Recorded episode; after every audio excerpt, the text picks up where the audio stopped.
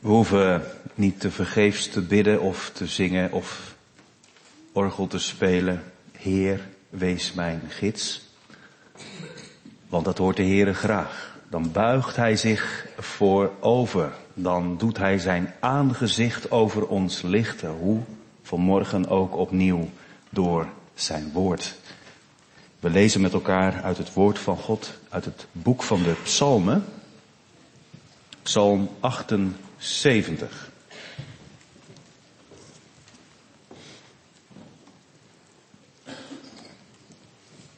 En daarvan de eerste acht versen.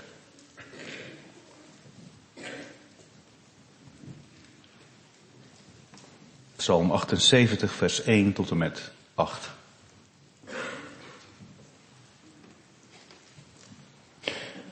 Een onderwijzing van Asaf.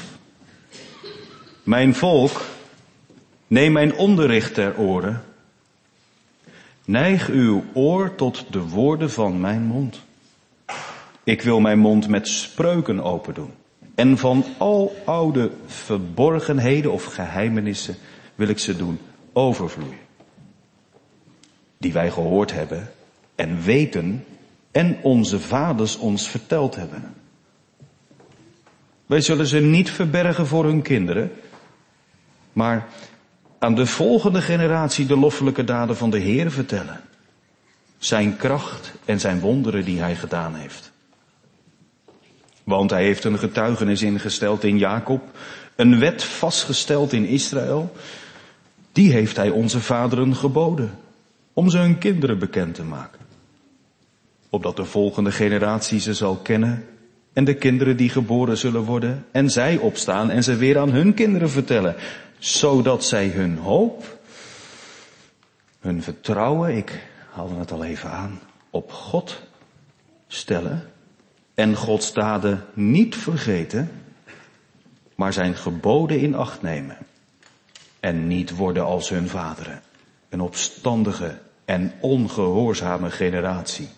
Een generatie die zijn hart niet richtte op God en van wie de geest niet trouw was aan God.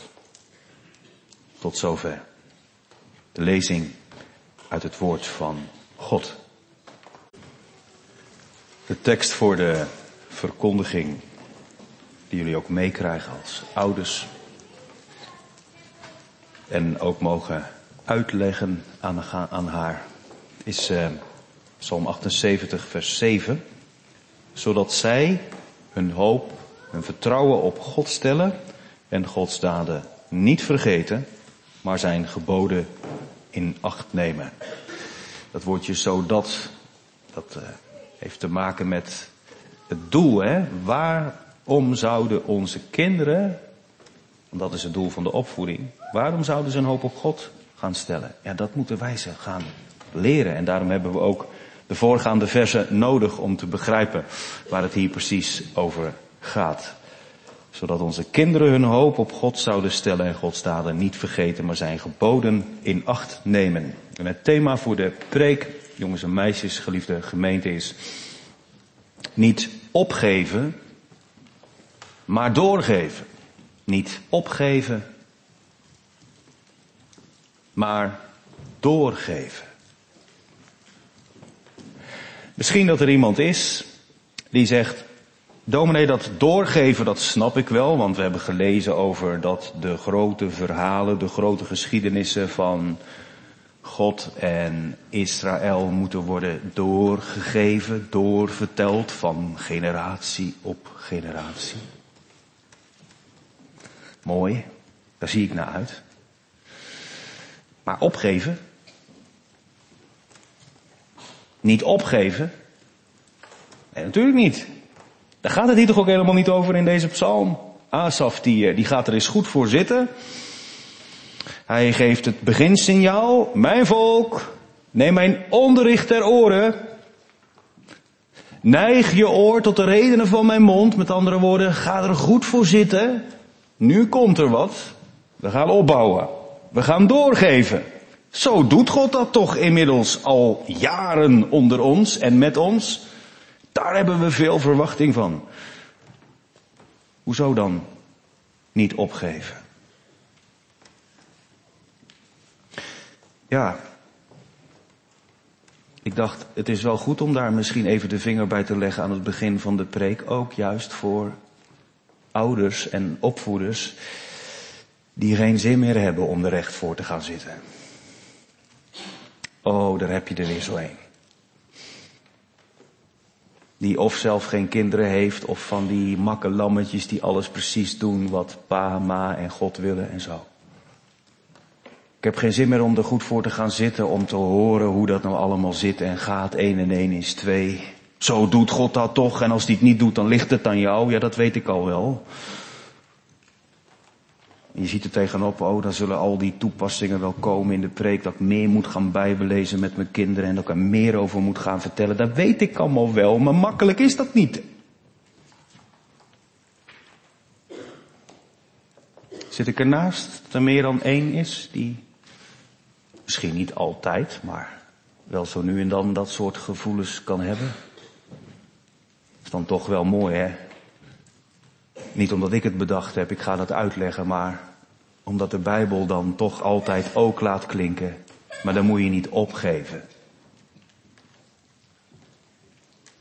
Ook als ze ouder worden en je denkt, ik had eerder moeten beginnen. Of dat je keurig begonnen bent en dat het heel lang goed ging en ineens komen de situaties in je gezin en je denkt, ja, ik kan ze de woorden van God wel doorgeven, maar over dit onderwerp lees ik niks in de Bijbel. Niet opgeven. Overigens, als Asaf zegt, ga er eens goed voor zitten. Ik ga jullie vertellen hoe het moet, zodat je kinderen hoop op God gaan krijgen. Dan doet hij dat als mens van vlees en bloed, hè. Ook al klinkt het parmantig, gelovig, vertrouwend. En klinkt het met autoriteit en gezag. Hij durft het als het ware namens God te zeggen. Mijn volk, het is Gods volk, maar hij is representant van God. Ik zal jullie laten horen hoe dat gaat. Hoe God van generatie op generatie ervoor zorgt dat mensen gaan en blijven geloven. Dan doet hij dat als mens van vlees en bloed. Asaf. die inderdaad een prachtig loflied heeft geschreven, Psalm 75. Overigens de psalmen die hij heeft geschreven, Psalm 50 en Psalm 73 tot en met 83. Nou, er zit 75 in. U alleen, u loven wij in onze bereiding. Maar het is ook de man die uh, Psalm 73 heeft geschreven. Ik weet niet of Asaf kinderen heeft gehad.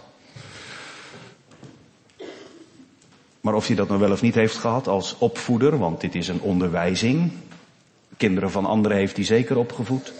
Als opvoeder kende hij ook die momenten dat hij dacht, ik kan het nou allemaal wel doorgeven, dat geloof en de inzettingen van God en dat God betrouwbaar is en, en dat je ineens denkt, ja ik weet het wel, God is goed, maar dat je je voeten zo uitglijden en dat je eigenlijk gewoon onderuit gaat en je niet meer weet hoe dat nou zit als je in de wereld om je heen kijkt. Psalm 73 hè. De mensen die niks met God hebben, nou, daar lijkt het voor de wind te gaan. En jij die alles met God hebt, de ene tegenslag naar de andere, je ligt er wakker van en je denkt, hoe heb ik het nu met u, Heere God? Ik dacht dat u rechtvaardig was en dat u de mensen die op u vertrouwen beloont. En dat u mensen, ja, die u, u wantrouwen en die niks met u hebben, dat u, ja, dat u die straft. Asaf is ook gewoon een mens die uiteindelijk heeft geleerd, ik moet steeds weer het heiligdom in. Ik moet steeds weer de gemeenschap met God zoeken. Ik moet steeds weer terug naar waar Hij met mij begon. Ik moet me helemaal niet de meetlat aanmeten die aan God is om te kijken, ben ik nou goed en zijn anderen slecht? Hoe heb ik het nu met, heer, met u heren? Ja, wie heb ik naast u in de hemel? Wat zou ik naast u nog meer willen verlangen en moeten hebben? Ik heb u. En u zult mij leiden door uw raad. Die man, die mag hier de boodschap meegeven, doorgeven en niet opgeven. Hij wist daar namelijk ook van, van beide. Dat het er soms omspant of je, je legt het bijltje erbij neer. Of dat je zo ja, geraakt kunt worden als opvoeder door wat je bij je kinderen ziet. En niet om erboven te staan hoor. Helemaal niet. Maar wel dat je denkt, ja, heeft het eigenlijk nog wel voor zin? Er gebeurt iets heel spannends in deze psalm hoor. Moet eens meekijken. Vers 3. Hij heeft het over, ik zal jullie dingen gaan vertellen, machtige geheimenissen, wonderlijke dingen die, die vloeien uit mijn binnenste over mijn lippen. Ik ga het zeggen, en die heb ik niet bedacht, maar die heb ik zelf ook gehoord, omdat onze vaders, onze voorouders, ze aan ons hebben verteld. Prachtig. Oh ja? Oh ja? Hoezo? Kijk, hier op mijn preekaantekeningen heb ik twee keer iets rood staan. Het ene zinnetje lees ik net voor. Onze vaders hebben het aan ons verteld. Prachtig. Maar het tweede rode zinnetje is het begin van verzacht. Wij hebben de hoop dat onze kinderen hoop hebben op God als wij ze opvoeden. Oh ja? Ja, zodat ze niet worden als hun vaders. Een opstandige en ongehoorzame generatie, een generatie die zijn hart niet op richtte op God en van wie de geest niet trouw was aan God. Dat is kwetsbaar. Asaf zegt, zo werkt God. Het gaat van de voorgaande generatie op de volgende. Onze vaders hebben het ons verteld, maar die vaders deugden dus ook niet. Is dat niet één cyclus van... Oh, is dat ook niet de kritiek van mensen op gemeentes waar kinderen gedoopt worden. Wees niet al te enthousiast. Moet eerst maar eens kijken wat er uitkomt. Je kan wel zeggen dat ze erbij horen en dat ze erfgenaam zijn van God, maar blijkt niet dat als het je persoonlijke keus niet is, dat er velen ja, wel gedoopt zijn, maar uiteindelijk afhaken. En, en kijk nou eens naar al die voorbeelden. Hoeveel zitten er hier niet die zeggen ik ben meer ondanks mijn vader of mijn moeder bij het geloof gebleven dan dankzij? Nou, genoeg gesomberd, maar wel realistisch toch? En juist daarom niet opgeven, want Asaf zegt terwijl die weet, en lees maar door in Psalm 78, het is naast Psalm 119 en Psalm 72, is Psalm 78 de langste psalm. Nou, al die voorbeelden van hoe het niet goed ging. Net zoals in Psalm 81, ook een psalm van Asaf. Doe uw mond wijd open, want ik zal hem vervullen. Heerlijk, ja, maar mijn volk wou niet, zegt God. Hoezo niet opgeven? Wij zijn toch ook onze kinderen tot alles in staat? Toch is dat de weg die God gaat. Jullie gaan het niet verbergen voor Lydia. Jullie gaan het niet verbergen voor Sarah. Ook niet als je soms denkt, ja, maar vandaag, vandaag heb ik het niet, of kan ik het niet, of ook niet als het licht eventjes uit lijkt te gaan. Ook niet als ze ouder worden en je denkt, oh help, hoe kan ik ze bereiken? Ouders, grootouders, we blijven vertrouwen en we blijven hopen en we blijven doorgaan. Want wij kennen de God van Asaf. Wij kennen de God van David. Wij kennen de God van Jacob. En oh, wat een familiedramatiek schuilt er niet in heel dat Oude Testament. Maar God denkt aan zijn verbond. En daarvoor zet hij ons in. Geen engeltjes, maar gewoon kwetsbare, nietige mensen die van genade leven, maar die genade ook zien als een fundament van hun verantwoordelijkheid. God is ons keer op keer genadig en onze kinderen ook, maar niet om de kantjes ervan af te lopen, niet om te denken God zegene de greep, ik doe weer eens wat. Of ze horen het wel op de categorisatie. Of ze zitten toch op een goede school met een goede identiteit. Wat ik leer in deze psalm en van de omgang die er is tussen Joodse ouders en hun kinderen in deze psalm, is dat God het van het hoogste belang vindt dat pa en ma, en zeker pa in deze cultuur, in deze psalm, zijn verantwoordelijkheid neemt. Nee, gemeente, ik ben niet vergeten dat mijn vrouw en kinderen ook in de kerk zitten. Dus is ook een preek voor mij. Al ben je honderd keer dominee. Wij zullen het niet verbergen voor hun kinderen.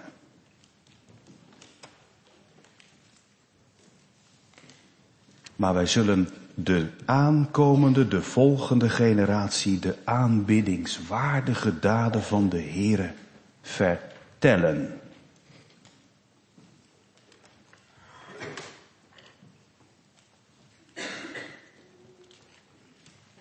In een tijd waarin het zo makkelijk is om ze even wat te laten zien. In een tijd waarin de grote verhalen, zei ik al, een beetje gepasseerd zijn. Waar alles jachtig en snel is.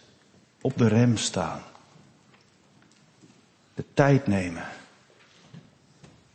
Met gebruikmaking van de middelen van anno 2023. Prima hoor. Maar het is niet voor niets hè, dat juist in het Oude Testament, maar ook in het Nieuwe Testament gekozen wordt voor het contact met taal. Vertrouwelijke omgang. Zien onze kinderen dat? En dat begint niet meteen heel hoog en heel groot en heel intelligent. Dat is allemaal bijvangst als je dat hebt. Begint gewoon ook, iedereen kan toch een kinderbijbel voorlezen begint toch ook gewoon met aansluiting zoeken bij waar ze dan zitten in hun leeftijd. Om door te geven de God die wij dienen, die leren wij kennen in hoe hij omging met Israël. We zien zijn kracht en zijn wonderen. Hoe hij een wet gaf, de Torah. En dat is veel meer dan de tien regels hoor. Hoe God zich bekend maakte in hoe man en vrouw met elkaar om mogen gaan. Hoe ouders met hun kinderen omgaan. Hoe wij met de schepping, met de dieren, met ons lichaam omgaan. Heel die uiteenzetting in het Oude Testament, vol van wijsheid, genade en geduld. En bovenal de dienst van de verzoening. Waarin God bekend maakt dat er elke keer vergeving is. En dat die vergeving gegeven wordt om voor zijn aangezicht te leven. Niet om dan te denken, oh gelukkig, dan is God niet meer boos op mij of dan mag ik naar de hemel. Dat allemaal ook. Maar dat onze kinderen hoop krijgen op God, God leren vertrouwen om ook te kunnen leven. Om, om een gids te hebben in, in, in het moeras. Om een betrouwbaar uitgangspunt te hebben. Dat mogen jullie doen. En ik ben zo dankbaar dat, en we hebben daar met elkaar ook over gesproken, het wordt natuurlijk terecht gezegd, ook in het formulier, dat jullie dat naar je eigen vermogen mogen doen. En de ene die is beter met taal dan de andere. Maar het aller meeste gezag. Of niet, jongelui? Als je even terugdenkt aan de mensen die je hebt ontmoet, of die momenten die je met je eigen vader en moeder had. Of met een opa of oma, of met een oudere of jongere in de gemeente. De meest, het meeste gezag is een levend voorbeeld. Dat je niet alleen maar technisch kan vertellen wat er in de Bijbel staat. Maar dat je die God ook kent. Dat je de God van Abraham, Isaac en Jacob, de God van David, de vader van je redder Jezus Christus zo persoonlijk kent. Dat je de behoefte aan hebt om het de kinderen te vertellen die uit je geboren zijn. De ouderen zeggen dan dat je daar bevindelijk over kunt praten. Dat wil zeggen dat de dingen die je in de Bijbel tegenkomt, die herken je. Ik kwam bij de voorbereiding van de preek tegen wat de betekenis was van de naam Asaf. Verzamelaar. Deze man heeft in zijn leven zoveel verzameld uit de schrift. En daarbij ook zoveel herkend in zijn leven. Dat hij weet, die aanbiddingswaardige daden van de Heere, die zal ik vertellen. Van de Heere. Psalmen 42 tot en met 83 wordt ook wel het Eloïstische psalter genoemd. Daar wordt de verbondsnaam Yahweh of Adonai vaak niet genoemd. Precies, vaak niet. Dat het hier dus wel gebeurt, dus niet Elohim, maar de verbondsnaam maakt het heel persoonlijk. Dat je de trouw van God aan jou bewezen ook aan je kind kan laten zien. In het doorgeven van de grote verhalen. Het is geen letterlijk citaat, maar ik dacht toen ik onlangs wat in het Nieuwe Testament aan het lezen was, terwijl deze preek klaar was, dacht ik, Jezus komt eigenlijk ook terug op Psalm 78. Dat is wanneer hij het koninkrijk der hemelen vergelijkt met een klein zaadje van de mosterdplant. Dat zaadje dat uitgroeit tot een enorme struik. Of dat hij het heeft over het koninkrijk der hemel is net als met gist. Gist dat de inhoud van drie zakken meel kan laten rijzen. Die gelijkenissen zijn een voorbeeld van wat sinds lang verborgen was. Verborgenheden van heel lang. Van sinds de grondlegging der wereld, schrijft Matthäus. Het is hetzelfde patroon. Je ziet het door heel de Bijbel heen. Juda, lees deze psalm maar door, stelde niets veel voor vergeleken bij Ephraim. En Sion niks bij Silo. Maar David, hij kwam. En het koninkrijk van God ging bloeien. En zijn nakomeling Jezus Christus, hij lag in een voederbak voor schapen. En hij hing aan een kruis. Maar zo heeft hij overwonnen. Onze kinderen mogen God vertrouwen. En zullen Gods daden niet vergeten. Niet omdat de Heilige Geest dat onmiddellijk in hen werkt, maar omdat ze straks voor de troon van Jezus kunnen zeggen, dat heb ik van mijn vader, van mijn moeder gehoord. En wat een krachtig voorbeeld is dat. Ik weet het, het is niet altijd zo. Maar het is nooit te laat om opnieuw te beginnen, gemeente. Wat een krachtig voorbeeld. Als je eigen moeder en je eigen vader niet alleen maar een wetboek van strafrecht hanteren en dat Oude Testament noemen. Niet alleen maar een lijstje van regels en dogma's kunnen oplepelen en dan zeggen, zo is God. Maar die zelf als kwetsbaar, zondig mens God hebben leren kennen in de Bijbel en met hem leven. Dan ben je het niet altijd eens. Dan is het niet altijd vanzelfsprekend simpel. Maar dan is het wel heel herkenbaar. Dank u, heren, dat u ons voor elkaar gebruikt. Dat het hart op tafel komt. Wat een toekomstperspectief is dat. Als je de grote verhalen, de grote geschiedenissen doorvertelt. Dat Asaf zegt. Nee, het is niet vanzelfsprekend. Maar het is wel betrouwbaar. Dan ga ik ervan uit dat net als in mijn tijd, in de tijd van Asaf, ook in de tijd van Gerben en Aline, in de tijd van onze gezinnen hier in de Laankerk, kinderen opstaan en zeggen, ik vertrouw God.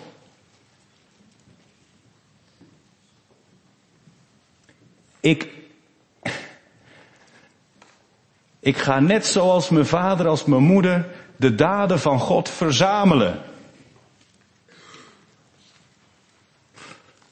Bij postzegels, dan moet je een map kopen en dan moet je heel lang je best doen. Dat je al dat kostbare spul hebt. En bij postzegels kun je nog zeggen, tenminste, als mijn vader ze had verzameld, heeft hij niet hoor. Nou, dan heb ik het dus niet van een vreemde, dan had ik er niks om gegeven. Maar wij mogen zeggen, wij hebben een verzameling. Een hele bundel. Waar gebeurt. Historisch betrouwbaar. Maar wat nog veel meer is. Dit boek leeft. Dit boek is een gids. Hier werkt God door. Hij is het die ons gezin bij de hand neemt. Zodat we gezamenlijk mogen gehoorzamen en zijn geboden in acht nemen. Geliefde doopouders, ouders, gemeente. Ook dat is het doel van de opvoeding. De woorden van God, de geboden van God zo meegeven dat onze kinderen ze in acht nemen. Eerlijk, ik kijk in de spiegel. Dan moet je ze zelf ook houden. Als het voor jezelf niet leeft, als je slordig bent, geen passie hebt, dan komt het niet over. Dat is de oproep in de preek. Met alle bevrijding niet opgeven en God wil je helpen. Vraagt ook om gehoorzaamheid. Maar het geeft zo'n zegen. Ook als je als vader en moeder is kleur bekend. En weer samen buigt voor Gods aangezicht. En weet, ja, in mijn hart zit ook een, een neiging om niet op God te vertrouwen. Om mijn hart op alle dingen te richten behalve op God. Maar dat is bekering. Dat is omkering. De Heere heeft het beloofd. Als ik zo mijn weg ga, dan is er zegen. Amen. We gaan met elkaar zingen als antwoord op de verkondiging. Nu het vierde vers van Psalm 78. Het vers dat ook gaat over de tekst die we hebben gehoord. Opdat ze op God hun hoop stellen zouden. In het oog van zijn daden, in het hart zijn wetten houden. En nimmer meer weerspannig God verachten. En wat daar verder volgt. Psalm 78, het vierde vers.